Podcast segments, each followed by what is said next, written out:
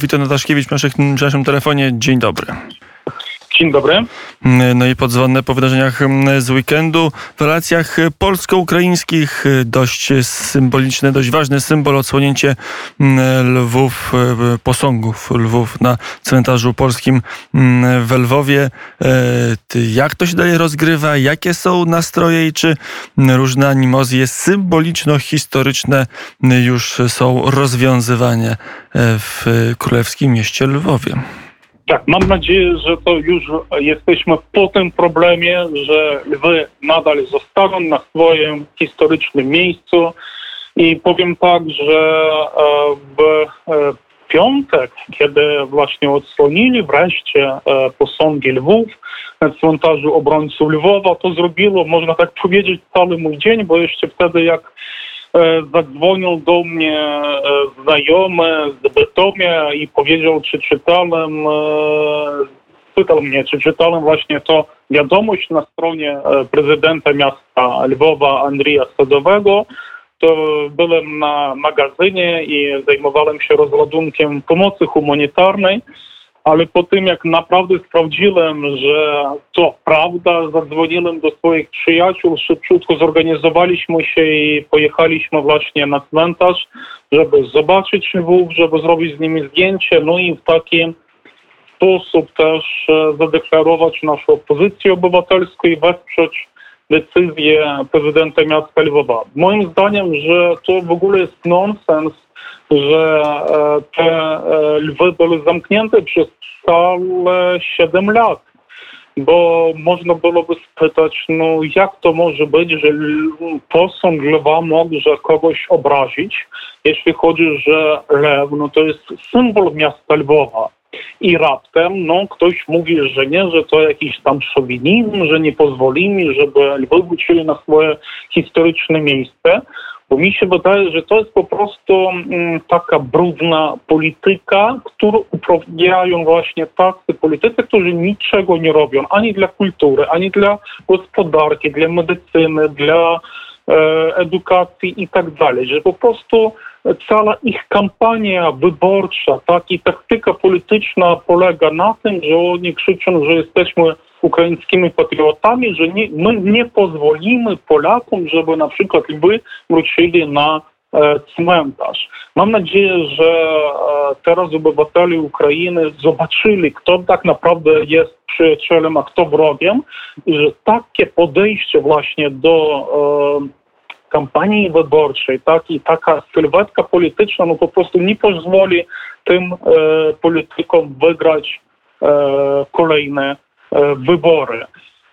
Też moim zdaniem, że mm, cmentarz obrońców Lwowa to nie jest tylko, jak określał go na przykład Kornel Makuczyński, Campo Santo, miejsce święte dla każdego Polaka, ale to też nie jest miejsce jakieś negatywne dla Ukraińców. To nie jest miejsce, które musiałoby dzielić e, te dwa narody, bo przecież tam spoczywają E, na przykład bohaterowie, którzy bronili Lwów i bronili całą Europę podczas inwazji bolszewickiej w 1920 roku.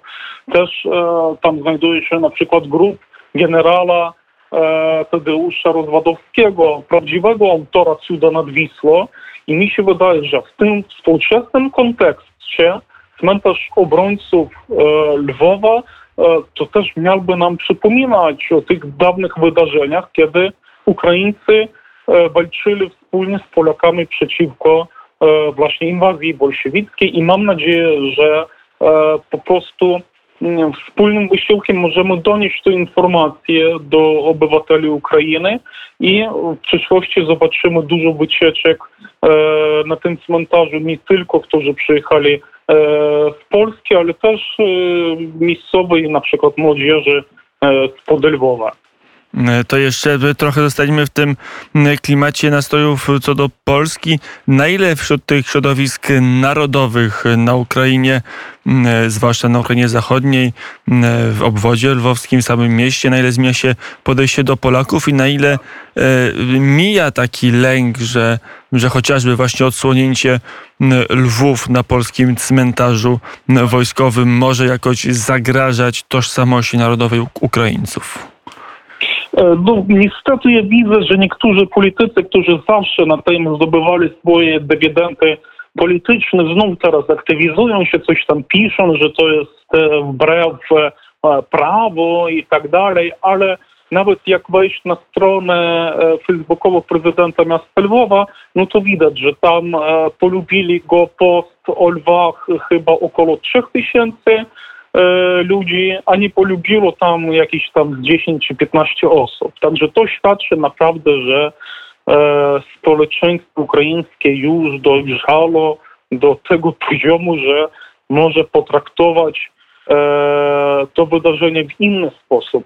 A mm, swego czasu tutaj na przykład mogę powiedzieć, że kiedyś byłem tam na wycieczce swoim kolegą, który chociaż ma pochodzenie polskie, uważa siebie za Ukraińca. I on raptem zamiast tego, żeby opowiadać o historii obrony Lwowa w 18 i 20 roku, zaczyna opowiadać o Majdanie. No, dlatego, że naprawdę uczestniczył w tym Majdanie. Myślę, no do czego to w ogóle, czy on nie będzie właśnie mówić w tej wycieczce o prawdziwej historii tego miejsca, ale później zostałem zaskoczony, że w jakimś sensie miał rację, bo powiedział, że chyba po prostu to przeżycie, którego doświadczył na Majdanie w 2013 roku w Kijowie, było czymś podobnym, e, czego doświadczyli obrońcy Lwowa w 18 roku, tak? No bo to był wielki czyn obywatelski. Nikt ich nie mobilizował. Po prostu e, czuli się, że muszą bronić swojego miasta. I tak jak na przykład e, słynny e, lekarz, chirurg Rydygier wtedy też był wśród obrońców Lwowa, to znaczy, że chyba jakby mieszkał nie wtedy, nie w 18 roku, a na przykład już w naszym stuleciu, to byłby też na Majdanie e, w, w Kijowie, tak? No bo to jest e, z jednej strony takie e, takie poczucie patriotyzmu, poczucie e, ruch do wolności, z innej strony no właśnie jest jakaś taka wojskowa maszyna administracyjna, która i w przypadku Lwowa, i w przypadku Kijowa w 2014 roku zmuszała ludzi do tego, czego oni nie chcieli. I też bardzo ciekawy pogląd. Może to już nie jest dla masówki, może bardziej taki elitarny do jakiegoś takiego seminarium na uniwersytecie, ale to też demonstruje, jak Ukraińcy zmieniają swoje podejście do traktowania tych wspólnych stron historii, które czasem były też trudne. Mm, e, To jest informacja, przekaz z Lwowa. Iwona Daszkiewicz był gościem Radia Wnet. Dziękuję bardzo i do usłyszenia.